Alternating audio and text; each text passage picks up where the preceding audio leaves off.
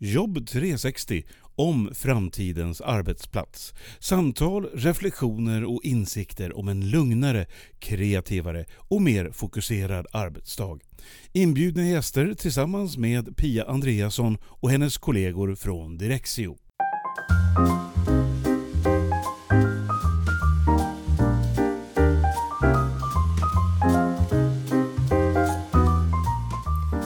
Välkommen till Jobb 360. Idag ska jag träffa en person som har varit med i podden förut. Och det är Paul Linde. Han jobbar med införanden av Office 365 och har jobbat i flera stora projekt. Och jag tänker höra med honom om hur man bäst gör den typen av projekt och även om det skiljer sig eller om det finns likheter mellan riktigt, riktigt stora projekt med flera tusen anställda och kanske mindre företag som ska gå över till Office 365. Så häng med och lyssna på Paul Linde.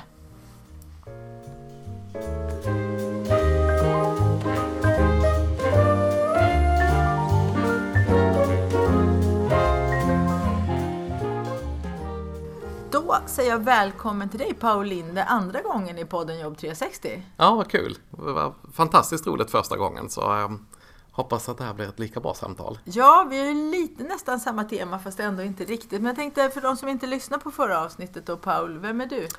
Eh, ja, vem är jag? Jag är en eh, traditionell Office 365-konsult, kanske lite mer inriktad på strategi och målsättning och vision kring plattformen och hur man kan nyttja den i verksamheten på ett eh, bra och relevant sätt för alla medarbetare.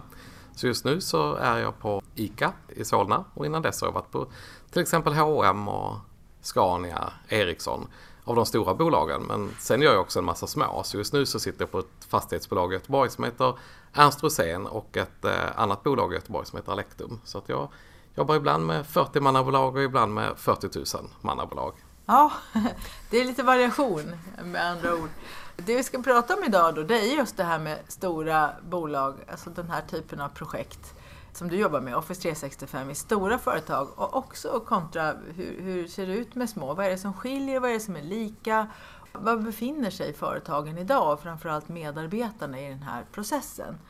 Så jag tänkte först fråga, vad är det som är speciellt med de här stora projekten som du tycker att du behöver tänka på i dem? De sista åren så har det kommit mycket som visar på att, att om man ska utgå liksom från en användarupplevelse eller en kollegaupplevelse eller en anställds upplevelse. Så när man tittar på de digitala arbetsplatserna så i stora bolag så finns det så otroligt många intressenter och mellanchefer som man måste stämma av med. Det finns alltid någon som äger HR-systemet, någon äger katalogtjänsten, någon använder Office 365, någon äger eh, så enkla saker som hur man ska samarbeta på företaget.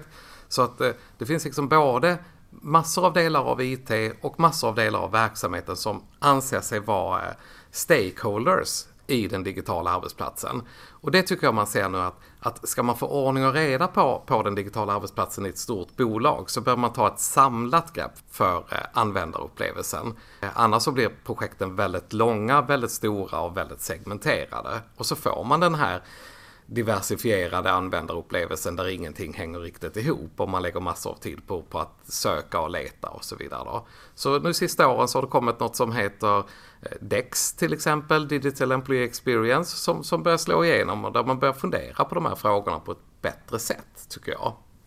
Det låter ju fantastiskt. Jag har ju tjatat i några år i olika sammanhang om att det här med, med den digitala arbetsplatsen måste upp på, på en strategisk nivå och också att kompetensen eh, kompetensfrågan måste upp på en strategisk mm. nivå. För det jag märker är ju att det ser ju så väldigt olika ut.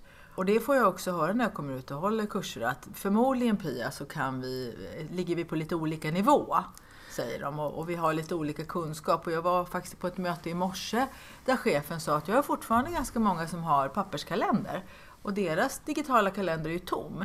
Vilket mm. gör det svårt att samarbeta för oss. Och då var just den där med samarbetsfrågan då att ska, ska man ha de här IT-projekten och jobba på ett visst sätt, då måste det vara en, en, någon slags gemensam nivå, en gemensam agenda. Exakt, och det, där ser man ett av de företag som jag tycker har lyckats bäst globalt det är ju Singapore Airlines. Nu har inte jag jobbat med dem själv men jag har tittat på lite referenscases och, och hur, hur de satt upp det då.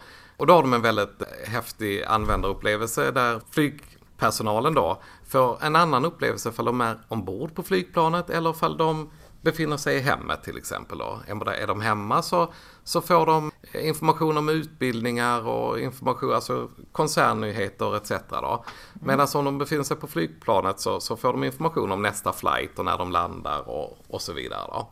Så därför är de olika då. Och det kan man tycka liksom att oh, det var smart att komma på det. Men det som var avgörande för dem det var att Singapore Airlines utsåg en vice VD. En ny vice VD som bara var Employee Experience. Så att alla system som hade en, ett gränssnitt mot de anställda ägdes av en och samma person. Så oavsett ifall det var lönesystem, ifall det var learning, ifall det var pulsmätningar, ifall det var eh, intranät eller vad det än var så ägde en och samma person gränssnittet mot användaren. På så vis så, så kunde man då slå samman 40 olika projekt som, som skulle möta de anställda till ett stort program med en och samma styrgrupp. Och det, det säger de själva att det var det som var nyckeln till framgång i deras digitala arbetsplats. Att, att man hade en som rapporterade direkt till VD som ägde hela gränssnittet. Då. Och de gjorde det för att de sa att för att få bra utväxling på de anställda så behöver vi behandla dem på samma sätt som vi behandlar våra kunder. Det finns ju ingen som tror att man kan bygga en webbshop där, där ett sortiment har sin upplevelse och ett annat har en annan upplevelse. Och ska du köpa skor så, så, så har du en checkout-process och ska du köpa byxor så har du en annan och så vidare. Såklart så har man sagt att kunder behöver en och samma upplevelse med ett och samma färg och formspråk, en och samma tonalitet. Men det, det, det som Singapore Airlines sa, det var att det behöver de anställda också för att känna engagemang och lojalitet och allt det där som vi vet är viktigt. Eh, både bland kunder men också bland anställda för att bli framgångsrika på lång sikt. Jag gillar ju det där att de har, att de har ett upplägg som gör att man får det som är relevant i, i nuläget mm. till sig. För det är ju ett problem, tycker jag, man hör hela tiden med det här e-posten. Vi har haft e-posten 1995 och det hanteras ungefär på samma sätt idag. Och där är ju problemet att det kommer så mycket som har olika relevans. Mm. Det kommer både skräppost och, och, som man då ska rensa bort som, som medarbetarna ofta rensar manuellt för ingen har lärt dem att man kan göra på något annat sätt. Eller de, har inte, ja, de skulle mm. kunna ta reda på det själva teoretiskt men, men det jag säger det är ju alltid svårt att ta reda, veta, ta reda på det man inte vet. Ja. För man vet ju inte ens vad man ska fråga efter. Eh, och sen också i ett nästa steg att, att det kan vara väldigt viktiga saker som blandas med bara allmän information och som ligger kopior och allt möjligt sånt. Det är en väldig mix. Men där har ju Singapore Airlines gjort då så att du får den eh, information som är relevant i det läge du befinner dig. Och då, då måste det ju ligga någon, någon tanke bakom där, att man tänker hur, hur ser den här medarbetarens situation ut på daglig basis beroende på vem man är? Ja, precis. Och det finns ju en sån strategi från många företag kring Office 365. Att om man tittar på, på traditionella intranät så, som ju då mer är megafonliknande där, där man ropar ut information i en separat kanal. Eh, att de är hyfsat svåra att få framgångsrika. Man får väldigt låg eh, räckvidd i den typen av lösningar då. Eh, så, så ett modernare sätt att se på det, det är att informationen ska finnas där jag arbetar. Alltså om jag jobbar mycket i Teams så ska informationen finnas där. Så att man mer kontextualiserar eh, stället jag arbetar på istället för att jag ska gå till flera olika kanaler för att hitta rätt information. Då. Och jag vet att många bolag jobbar med det som heter hyperkontextualisering och eh, hyperpersonalisering. Där, där utifrån min roll, utifrån vilket land jag jobbar i och utifrån vad jag faktiskt gör på min eh, digitala arbetsplats så får jag en upplevelse som är anpassad för just mig. Då. Och det ser vi lite grann embryo till nu på modern, riktigt moderna digitala arbetsplatser. Att, att det faktiskt börjar lyckas. Då. Eh, och det är ju resultatet kanske av många års investering från Microsoft i eh, grafen som ligger bakom Office 365. Att de möjligheterna börjar ges. Så mm. att det är ju ingenting som man har kunnat göra tidigare på ett bra sätt. Men jag tycker att vi är precis nu eh, på väg in i den typen av teknik. Det som jag ser som en utmaning i det här sammanhanget är att Många personer har ju ännu inte lärt sig samla all information så att den ligger till hands där de behöver ha den. Jag märker det när jag pratar om den funktionen som redan finns i Outlook i kalendern, att du kan stoppa in saker i en viss kalenderpost. Till exempel att en möteskallelse eller vad ska man säga, en agenda kan ligga där. Mm. Det känner en del till och mm. tycker det är praktiskt. Men, eh, men ändå har de inte tänkt på att jag kan också lägga till tre dokument som jag för min egen del behöver ha med mig och skriva lite stödord till mig själv och kanske lägga in en länk till en webbsida där vi har mera information och så vidare och så vidare. Där blir det liksom bara oj! Och så blir det nästan för mycket. Men jag känner att egentligen som du säger, hela Teams bygger på att, att man har informationen där man behöver ha den just vid det, i det sammanhanget, i det tillfället. Så att det blir ett ganska stort hopp mellan den här suveräna funktionaliteten i Teams och hur människor tänker idag på, på en vanlig arbetsplats. Har du stött på det där, vad ska man säga, glappet mellan vad som går att göra och hur människor tänker? Ja, det, det stöter man på varje dag och dessvärre är man ju lite själv drabbad av det också. Att man vet att man skulle kunna ha gjort bättre från sig och jag, jag tror man, man får bara gå till sig själv och så får man förstå att det är en, en, en resa för varje medarbetare att digitalisera sin vardag. För det är ju det man måste göra. Man måste göra på ett annat sätt nu än vad man gjorde tidigare. Eh, för att alla andra ska kunna ta del av det man gör och att man ska få ett bättre flyt i samarbetet med andra och så vidare. Då. Så, att, eh, så att jag tycker att Teams som applikation ändå på något sätt försöker sy ihop den här bryggan liksom, så, att, så att man i alla fall får någon form av nav i de här vardagsnära aktiviteterna. Alltså dela filer med andra, kommunicera med, med chattmeddelanden etc. etc. Så det, Teams gör i alla fall anspråk på att försöka sy ihop vardagen för respektive medarbetare och respektive gruppering. Och det, det, tycker jag att där är man på god väg. Ja, jag, jag gillar ju mycket att de har också integrerat mycket av det som man känner igen i, i Teams. Jag har ju en, eh, ett team där jag delar en OneNote-bok med en person. Och så mm. hade jag en information. Jag sa, oj, titta här har jag hittat en, sak, en hemsida för ett företag som kan vara intressant.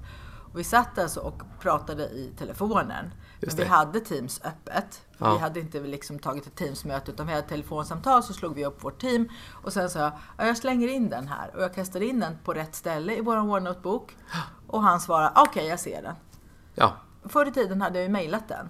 Ja, precis. Och många skulle ha gjort det än idag därför att man har inte hittat till det här arbetssättet som faktiskt är förknippat med de här nya möjligheterna.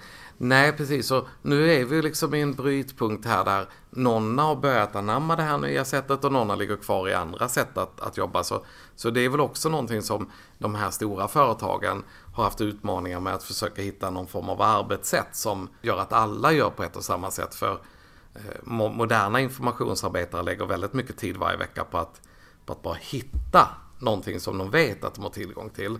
Jag tror att vissa studier visar på 4 till 6 timmar i veckan lägger en informationsarbetare på att söka information som den vet att den har tillgång till. Så där finns ju otroligt mycket att spara. Tittar du på stora bolag med 20-30 000 anställda, men då är det liksom upp mot eh, tiotusentals timmar i veckan som bara läggs på att söka information. Så det skulle man kunna säga att, att nu då när produkten Office 365 har funnits på många av de här bolagen 3-4 år så kommer den här förändringsresan liksom som ett brev på posten. Att vänta lite grann här, vi har 16 000 SharePoint-sajter, vi har eh, 48 eh, terabyte med dokument, men hur ska vi hitta i detta? Hur ska vi få alla att, att jobba på ett och samma sätt? Hur, vad, vad är rätt och vad är fel då? Mm. Så, så det tycker jag att att är det någonting som är en trend just nu, i alla fall bland de, de eh, företag jag jobbar på, så är det att man försöker hitta ett sätt att förhålla sig till all den här informationen och hitta ett arbetssätt som gör att, att man blir effektivare, mer strukturerad och så vidare. Då. Eh, men det är svårt när det är, när det är 70 länder och, och 28 000 medarbetare. Det är ingen enkel ekvation att lösa.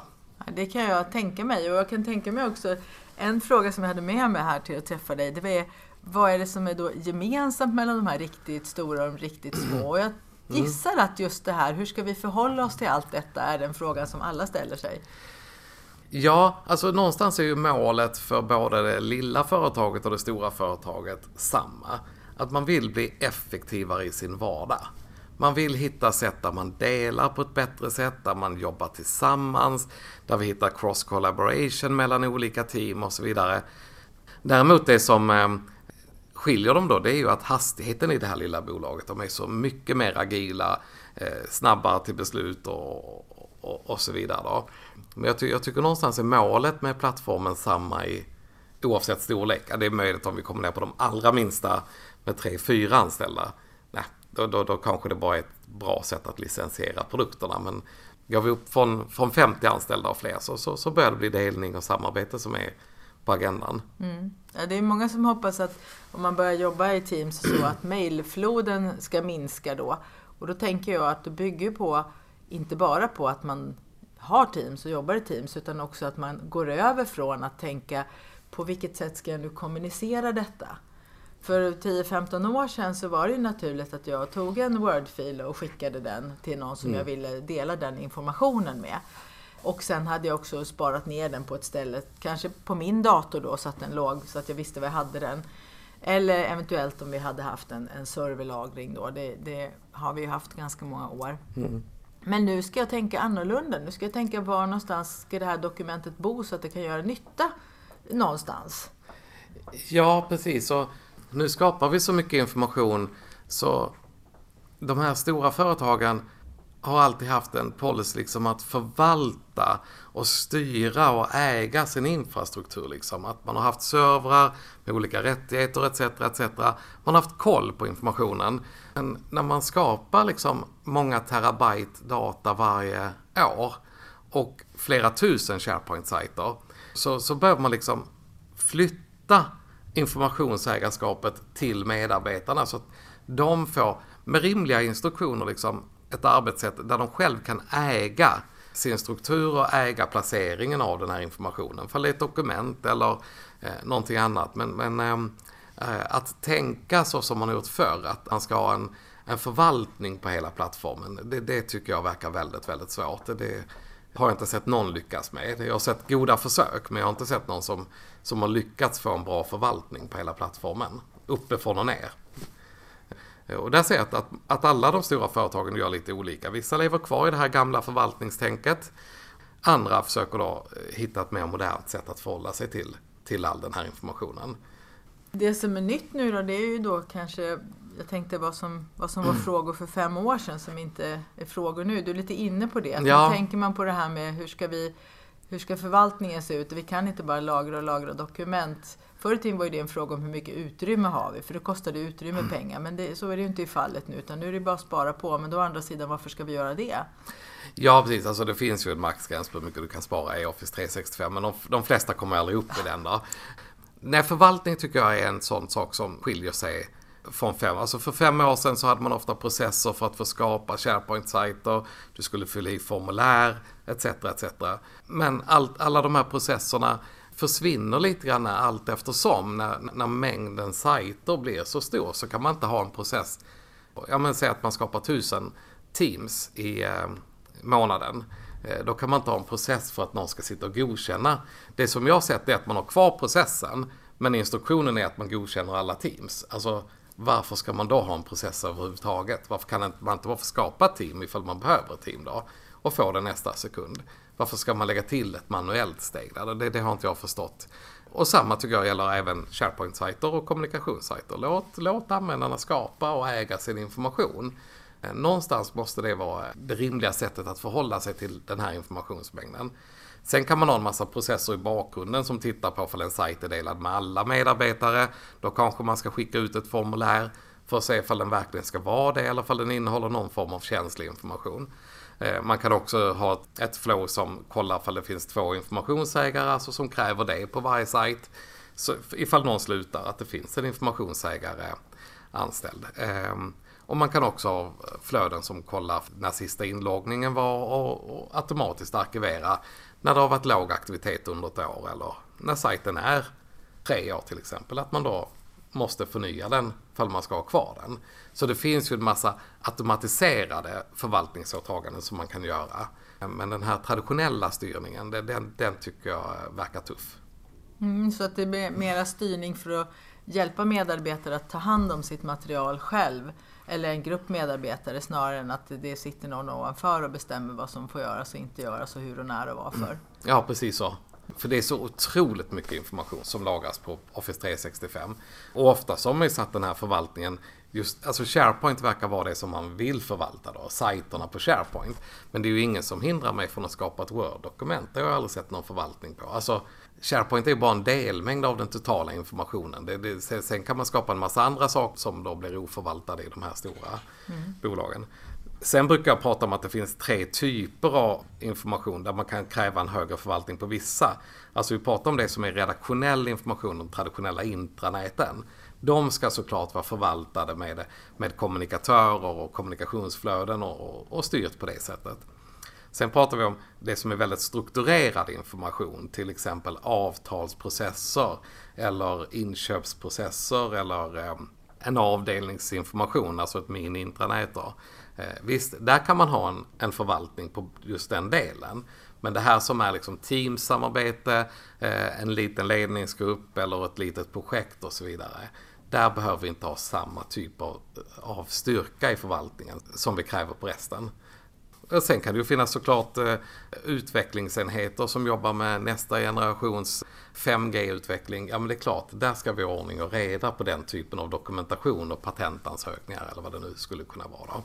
Jag tycker man får titta på liksom värdet i informationen, hur många som når den och hur långsiktig den ska vara. Eh, har man högt strukturerad information, många användare, mer förvaltning. Har vi få användare och ostrukturerad information, mindre förvaltning. Det låter ju väldigt logiskt. Ja. Jag tänker de här behoven du beskriver nu som uppkommer när ledningen och andra funderar på hur ska vi förvalta det här, hur ska vi hålla koll på så att det, så att det är liksom rätt information på rätt ställe till rätt personer och så vidare. Mm. De frågorna har ju egentligen funnits förut också.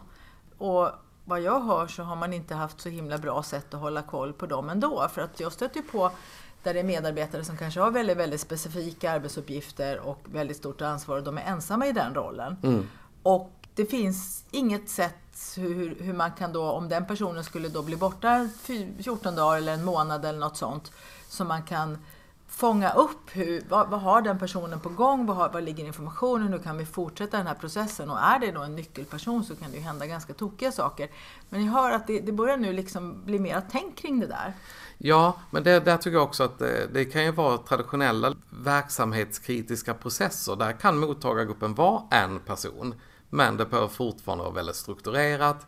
Eh, och då kan det verkligen vara i en förvaltning liksom, där andra kan titta in eller där man har fönster in för verksamheten att titta på just de processer som, som eh, berör deras del av verksamheten. Så att, att bara för att man är en så innebär det inte att man blir, hamnar i en oförvaltad lösning. För vissa sitter ju i väldigt känsliga processer och tar fram årsredovisningar eller nyckeldata eller något i den stilen. Och då behöver det vara eh, bra support och service på, på just den enheten då, eller på just den, den mängden information. Jag tycker att det är det här affärsvärde liksom och struktur. Ja, men då ska vi förvalta och se till så att det finns lösningar för fall personen lämnar bolaget eller fall den blir sjukskriven eller vad det nu kan vara liksom. Eller fall man behöver sätta in en person till i den processen så ska det vara, gör, kunna göras på ett enkelt sätt. Då ska den inte vara spridd på 17 olika platser i bolaget. Då. Ja, det tycker jag också är en styrka. Det som du nämnde nyss senast, att om man har ett team där man har jobbat kanske ett halvår och eh, har samlat all information som hör just till den här, det här projektet, till det man jobbar mm. med. Om det slutar en person och kommer in en ny, så det är ju väldigt lätt att välkomna den och säga här ligger faktiskt all information, här ligger chatthistorik, här ligger allt som man kan mm. tänkas behöva som vi har haft i det här projektet. Och eh, även om du kanske inte orkar kamma igenom allt nu, så har du ändå tillgång till allt. Ja. Och en fördel till då, det här är för den som kommer ny som kan känna trygghet. Men det är också ett otroligt trygghet i teamet eller kanske gruppledaren eller så, eller chefen. Jag behöver inte nu tänka igenom varenda liten detalj för att den här nya personen säkert ska ha all information och samla ihop den som du säger från 17 olika ställen och, och kanske vara lite orolig att jag missat något. Mm. Utan den ligger där. Det är ja. bara att säga välkommen. Precis, och där, där kan man ju också titta på Microsoft eh, 365 eller, eller Dynamics 365 som också börjar bygga upp sådana här onboarding-motorer liksom för att ta emot nya anställda och kunna tilldela rätt information. Då. Eh, nu är inte jag någon Dynamics 365-expert men, men det jag har sett Microsoft demo har ju varit eh, fantastiskt trevlig slutanvändarupplevelse att, att man bygger upp ett flöde liksom kring hur man onboardar en person i alla system och i, i all informations som finns då i Office 365. Så att eh, även Microsoft har ju det här någonstans på sin agenda att lösa nyanställningar eller nya personer in i, i projekt eller i bolaget då, nya roller. Mm, ja, det har ju alla företag, för det är ju ändå en omsättning. De flesta företag har väl ändå 5-10% nya varje år som ska, som ska tas ombord. Och är det då en stackars tidigare anställd som redan jobbar där som har ansvar för att se till nu att Paul här får all information, då skulle jag i alla fall bli nervös. Ja, Jo visst, alltså det, det är omsättning på de här och det, omsättningen, personalomsättningen ökar ju för varje år. Det är ju ingenting som kommer att minska troligtvis med så som den nya ekonomin ser ut och hur dagens unga reflekterar kring, kring arbetsgivare och arbete generellt sett. Så finns det ju ingen anledning att tro att, att de skulle vara mer benägna att stanna kvar på ett och samma bolag hela livet. Tvärtom. Nej, det är tvärtom precis. Man har hört det om de här millennials. Liksom. De jobbar tre år tills de kan det och när de börjar bli nytta, då vill de byta. Är ett problem som, som arbetsgivare har idag. Att man hittar inte de här trogna medarbetarna som gör samma sak i 15 år. Nej, och det, det är kanske då vissa roller, nu pratar jag med en, med en statlig myndighet då, som hade just det problemet att den här traditionella byråkratrollen att man kanske var 200 tjänstemän, statstjänstemän, som verkligen kunde sina frågor att de har då utmaningar för de bör också få personalomsättning på kanske inte på tre år kanske men på fem, tio år. Medan eh, de här eh, gamla då tjänstemännen, de har 30-40 års erfarenhet. Alltså det är väldigt svårt att säga att samma 200 personer som bara har fem års erfarenhet i snitt ska lösa samma sak som de här 200 tidigare där man hade 30 års erfarenhet ja, i snitt. Man kunde säga, det finns ett prejudikat på det där från 82 som vi kan titta på. Ja, det kanske det finns. Precis, och då finns inte så många sådana kvar. Men fortfarande så är det ju det är samma utmaning och det som jag hör också när du berättar här, det är ju en väldigt viktig faktor som jag tar med mig när jag utbildar, det är att skapa trygghet. Jag vill att medarbetarna ska känna sig väldigt trygga med det de har. Och I mitt fall är det ju ett digitalt arbetssätt och att, att känna att jag har min dator med mig då kan jag gå var som helst och mm. jobba och jag är ändå jag som har det allra, allra mesta av det jag behöver med mig. Och att man lägger en trygghet där. Och på samma sätt kan man få en trygghet hos en ny anställd och en trygghet hos de som ska ta ombord den här anställda. Då har man ju kommit väldigt långt ja. i ett effektivt samarbete som leder till resultat för, för verksamheten. Ja, absolut. absolut det, det, är en jätteviktig process och det är många som kämpar med den här just nu eller tittar på lösningar för att, för att förbättra onboardingprocessen i de digitala arbetsplatserna. Så att man får den information som man behöver. Och det handlar också om att korta tiden för att komma igång som anställd. För alla anställda vill ju vara produktiva. Det finns ju ingen som vill... Eh, så jag har i alla fall inte träffat någon som inte vill vara eh, duktig på sitt jobb. Det, det, det, verkar ju vara en drivkraft som alla har. Att... Ja, verkligen. När man är nyanställd kommer man så jättetaggad och vill verkligen, verkligen, verkligen göra något. För man har ju kanske kämpat för att hitta den här platsen och gått igenom en anställningsprocess och så får man det beskedet bara yes, jag ska börja jobba där. Att ta tillvara på den energin. Ja, precis. Och sätta kultur och sätta värderingar och så vidare. Det jag brukar säga att IT är väldigt bra på att driva utveckling, men det är också väldigt bra på att konservera. Alltså, så som jag använder Word 95 och så som jag använder idag. Alltså jag, jag, ska ju inte säga att jag har gjort en jätteresa. Resan gjorde jag ju när jag fick Word första gången. Mm. Eh, och samma som en nyanställd, den kultur och de värden man kommer in med och etablerar första månaden på bolaget. Det är troligtvis den som kommer leva kvar ganska länge hos den anställda. Så, så de här fönsterna för utveckling, de är ju när man är nyanställd, kanske när man byter roll. Eller när man gör väldigt stora omorganisationer. Och samma är det med IT förmågan att ändra arbetssätt, det är ju ofta när man gör någon stor förändring, en ny plattform och så vidare. Det är svårt liksom med de här små förändringarna under tiden. Ja, när gipset stelnar snabbt var det någon som sa. Ja, på, det. En, på en arbetsplats där de hade börjat jobba aktivitetsbaserat. Och tre veckor så såg den här personen att alla gick till samma ställe igen. Precis som på den förra arbetsplatsen.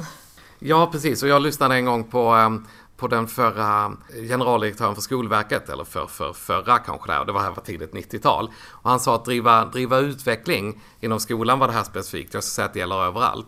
Det är som att koka gröt. Först har du en trött slät grå yta, sen tillför du lite värme och då får du eruptioner på ytan, men så fort du tar bort värmen så har du samma trötta gråa släta yta igen. Alltså det gäller ju att hålla i energin i det här förändringsarbetet. Att ständigt uppmana, ständigt uppmuntra eh, medarbetare till att göra på ett annat sätt, på ett bättre sätt och så vidare. Liksom. Alltså, eh, man kan, inte, man kan inte ta bort energin i förändringsarbetet utan den måste ständigt vara närvarande. Då. Och det tycker jag att de stora bolagen blivit bättre på att använda Yammer till. Att liksom ha tips och tricks och har bra frågor och svar liksom genom Yammer. De flesta stora bolagen har nu en Yammer-kanal som är i alla fall 20-30% av informationsmedarbetarna nyttjar för att bli mer effektiva och ställa frågor. Det är oftast den mest populära kanalen på Yammer. Det eh, vet jag inte om det säger så mycket om kanalen eller om Yammer, men eh, vi får se. Vi är väl alla nyfikna på nästa års release av ett nytt Yammer-gränssnitt som verkar vara faktiskt en helt omarbetad version. Ja, och Yammer är ju då motsvarigheten till Facebook och LinkedIn kan man säga internt på företag. Ja, det skulle man kunna säga liksom. Det, det är min digitala arena. Den har inte slagit ännu kanske, men det man får titta på det är liksom att alla medarbetare behöver ju någon form av digital arena där de, där de faktiskt kan vara publicister. Där alla behandlas likvärdigt och där är väl Yammer liksom det närmaste idag. Att förse medarbetarna med den arenan. Ja, sen också på de riktigt stora arbetsplatserna så är det väl kul att veta vilka som spelar bridge eller vilka som har hundar eller sådana saker också. Rent sociala, att, att lära känna varandra på det sättet. Ja, jag, jag tycker jag brukar alltid rekommendera eh, H&M borde ha liksom eh, mode på H&M och eh, på ICA borde man ha eh, middag på, på, på ICA liksom. Där medarbetare kan lägga upp den typen av eh, av information. Jag såg Ingram Micron i, i USA skapade en Yammer-kanal som bara hette Petsat Ingram.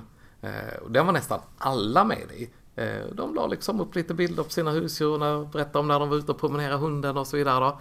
De fick otroligt mycket aktivitet. Ja, gillar man det så är det där man tittar och då är man ju också samtidigt på plattformen så man kan se andra saker om det nu skulle dyka upp något, att den blir intressant för en. Ja visst, och allting som knyter medarbetarna närmare varandra, det, det kan inte vara annat än positivt. Nej, vad åt man till middag igår till exempel? Ja. Så får man recepttips. Ja precis, och ja. ICA är ett matbolag. Det är väl klart att det är superkul fall, de, fall medarbetarna börjar prata mat. Det, ja.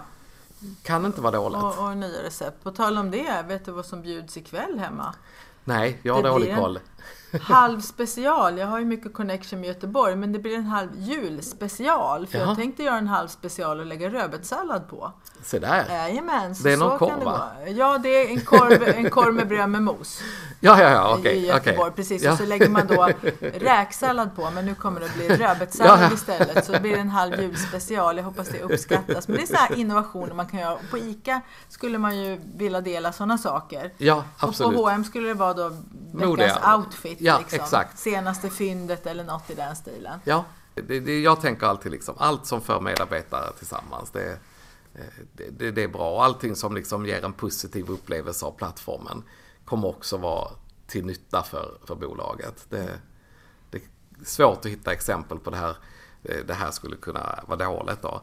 Och jag vet att nästan alla projekt jag är med i så säger man att ja, men, de ska inte sitta och publicera hela tiden. De ska inte, alla kan inte skriva en nyhet. Vad, vad händer då? För, vad, vad gör de med sitt jobb då? Men jag har ännu inte varit på ett enda bolag där man har haft ett problem med att medarbetarna gillar för mycket saker på Yammer, skriver för många inlägg på Yammer, skriver för många nyheter i SharePoint. Jag har aldrig varit på ett, på ett företag där det har varit ett problem. Tvärtom så är alltid problemet att vi behöver få dem att publicera mer. Vi behöver liksom få upp hastigheten i deras, i deras delningar och så vidare. Aldrig tvärtom. Nej, det kan jag förstå. För delningar och att visa varandra saker och berätta saker, det är ju det som skapar gemenskapen. Ja. Och det är, när jag håller kurser säger jag samma sak. Liksom, att om det är någonting du undrar över eller om du hittar på en ny smart sak, kan du berätta det för någon? Säg till kollegan, titta här, kolla vad jag, mm. vad jag kom på. Gör du också så här? Eller har du något bra knep? Ja, exakt. Och alltid om det är någon som har varit borta någon kursdag så får den uppdraget att gå runt till kollegorna och fråga, vad är ditt bästa tips? Ja. Från när Pia var hos oss där jag missade. Ja, precis. Mm. Ja, men det är liksom den här enkla delningen av eh, hur man gör Eh, någonting som faktiskt får effekt i verksamheten. Den är superviktig. Eh, man lär sig av varandra. Det är väldigt svårt att eh, skapa utbildningar för att folk ska lära sig alla funktioner och så vidare. Och då blir det bara funktionerna. Men när det kommer i kontexten att dela någonting som berör vardagen, så som, som hjälper dem på ens avdelning och så vidare, då är det nästan alltid kollegor som hjälper varandra. Det brukar ha absolut störst effekt. Liksom. Så för att runda av det här och det viktiga som vi pratar om nu. Har du något tips? Hur får man igång det här? Du har inte varit på något företag där det har varit för mycket sorg, men det betyder ju att du har varit på några där det har varit för lite. Hur, hur gör du för att, för att hjälpa ledningsgrupp och andra som äger de här processerna? Att, hur ska de promota alltihopa det här? Men det som jag tyckt har funkat bäst, det är när man försöker använda Office 365 som plattform så som den är tänkt att användas från Microsoft. Alltså där man försöker styra så lite som möjligt. Där man har det öppet, där man har det tillgängligt för medarbetarna. Där man låter deras kreativitet och behov styra vad de ska använda plattformen till. Och sen så hjälper man dem underifrån och ser till så att det blir rätt ändå till slut liksom, med olika typer av tjänster. Något bolag har haft en, en väldigt bra hands-on coaching. Man kan ringa in en expert fyra timmar till en ledningsgrupp, kommer och berätta för oss och så vidare. Liksom. Men att man utgår från användarnas behov, Se till så att de kan göra nästan allt i plattformen. Så att man inte blir beroende av eh, beställningsflöden eller eh, att eh, någon ska skripta in att jag kan dela med någon annan och så vidare. Liksom. Lita på användarna att de kommer att hitta rätt förr eller senare. Då. Men se till att det finns ett stöd för de som känner att jag vill faktiskt ha hjälp här och nu eller den här informationen är så viktig. Så att här är det viktigt att det blir rätt och då ska det finnas ett stöd för att hjälpa dem. Men som sagt, se till att använda plattformen för det som den är tänkt till och att den är designad så att den utgår från användarnas behov och inte från företagets behov av att styra eller äga information och så vidare. Ja, verkligen kort och koncist. Ja. Att du litar på medarbetarna helt enkelt och hjälpa dem. Ja, det tror jag är, är rätt eh, Eh, strategi. Jag tycker att eh, tidigare så har man ofta tänkt att information ska ägas uppifrån. Alltså man, man har utgått från det perspektivet och det är ju därför vi har fått de här megafonerna.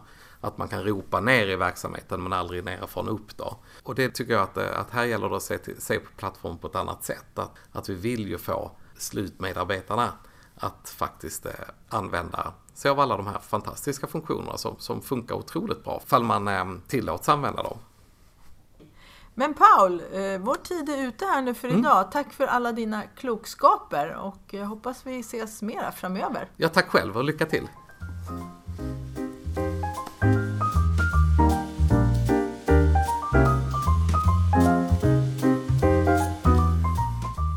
Så utmaningar finns i alla projekt när man börjar med ett nytt arbetssätt.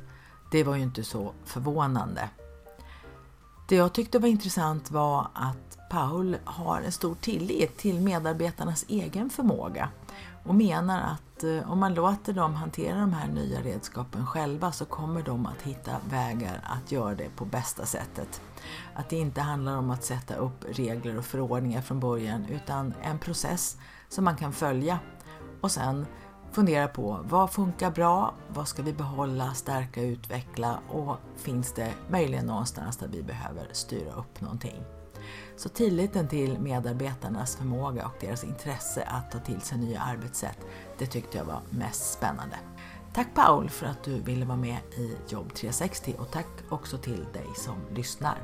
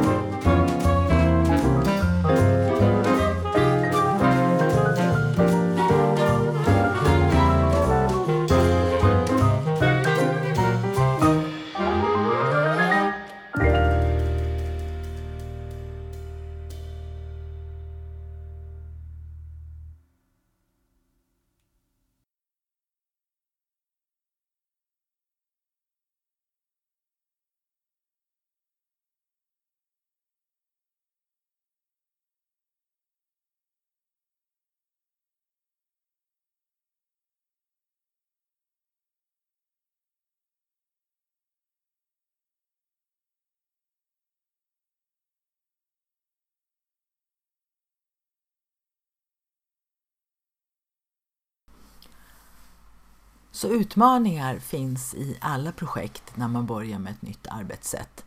Det var ju inte så förvånande.